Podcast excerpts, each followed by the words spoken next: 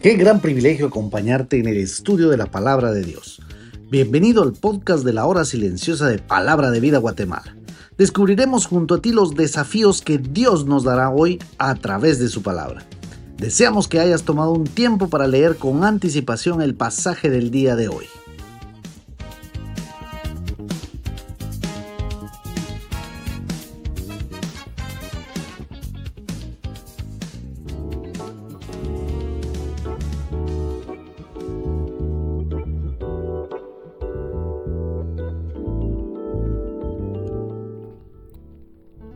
Estoy seguro que el Señor te ha estado bendiciendo mucho en este tiempo.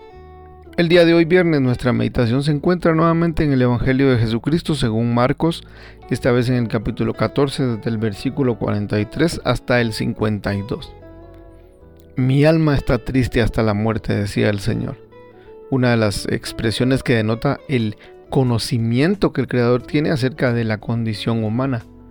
Es una cuestión, podríamos decir, mística, Realmente no es algo que nuestra mente humana pueda descifrar o que haya alguien que entienda lo que esa expresión significa, al menos no a la cabalidad. No podemos decir que nosotros hemos experimentado lo que el maestro sufrió. Capaz hemos estado en los extremos más lejanos del sufrimiento que el Salvador atravesó.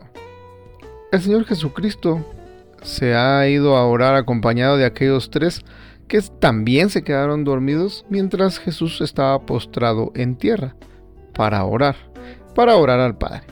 Luego de la tercera vez que Jesús se retira para orar y regresa, les dice, duerman, aunque sea un poco de tiempo, porque la hora ha venido.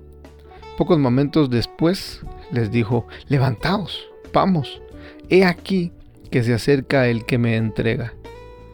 Luego Hablando él aún, vino Judas, que era uno de los doce, y con él mucha gente con espadas y palos de parte de los principales sacerdotes y los escribas y de los ancianos. Estamos ante uno de los momentos más oscuros de la raza humana, así como cuando Adán falló terriblemente, condenando a la raza humana.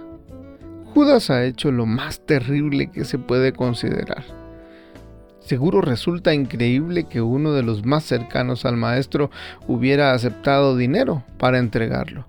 Por si las moscas, llamaron a los guardias del imperio y amigos y familia y feligreses, todos listos para resistir a la multitud que acostumbraban a venir a ver a Jesús. Esto podría ser motivo de enfrentamiento entre los que querían matar al revolucionario que sabían quería establecer su reino y los que querían deshacerse de éste. Así que venían muchos y armados con palos y espadas, dice la narración. Juan nos aclara que Judas conocía el lugar donde estaría Jesús porque era costumbre para ellos salir de la ciudad y dirigirse hacia este lugar.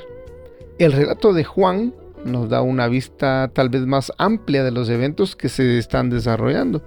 Notamos que Jesús es quien toma la iniciativa preguntando a quién buscan y ellos responden a Jesús Nazareno.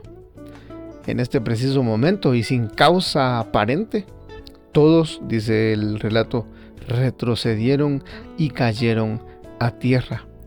Jesús prácticamente se está rindiendo y aún así queda demostrada su deidad como Dios, cuando aquellos no soportaron la presencia del santo, del león de la tribu de Judá, y cayeron a tierra. Os he dicho que yo soy, y si me buscan a mí, dejen ir a estos, dijo Jesús. Marcos nos cuenta que Judas se había puesto de acuerdo con sus enemigos o con los enemigos de Jesús, de manera que al llegar todos podían identificar a Jesús, porque le daría un beso para identificarlo con seguridad para que aquellos eh, pudieran arrestarlo.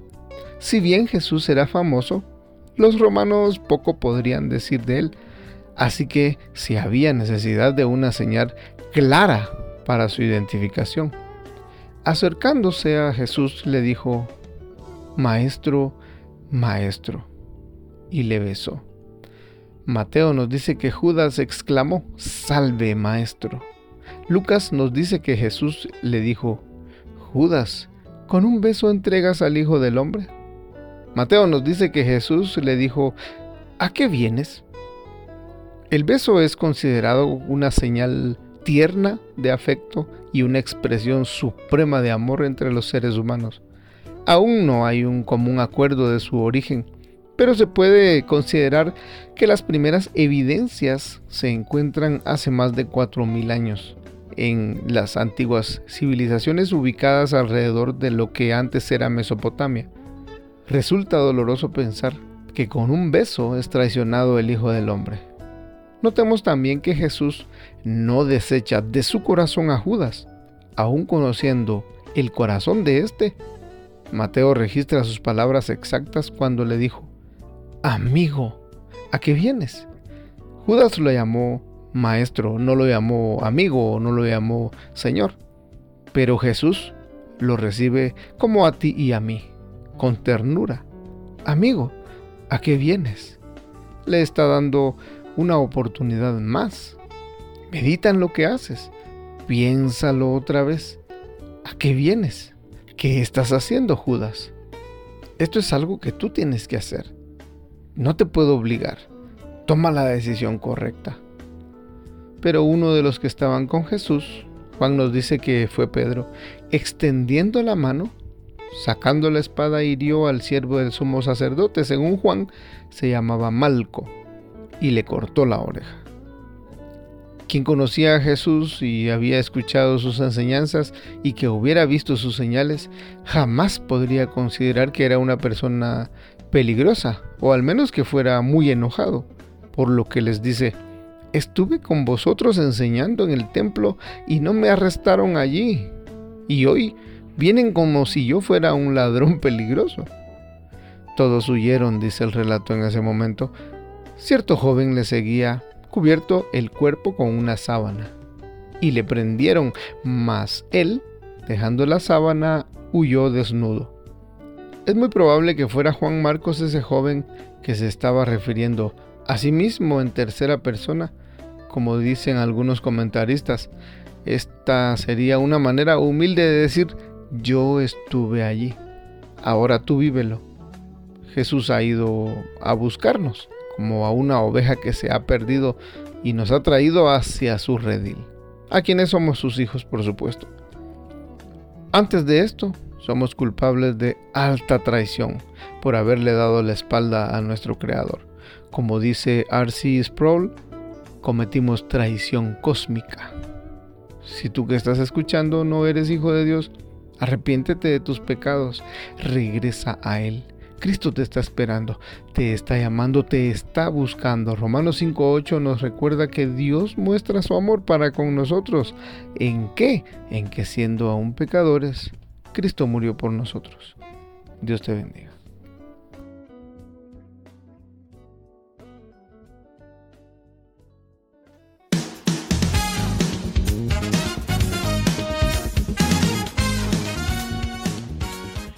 Es emocionante saber los tesoros que Dios tiene en su palabra para nosotros. Ayuda a tus amigos a que descubran la voluntad de Dios para su vida. Comparte este podcast con ellos. No olvides seguirnos en nuestras redes sociales.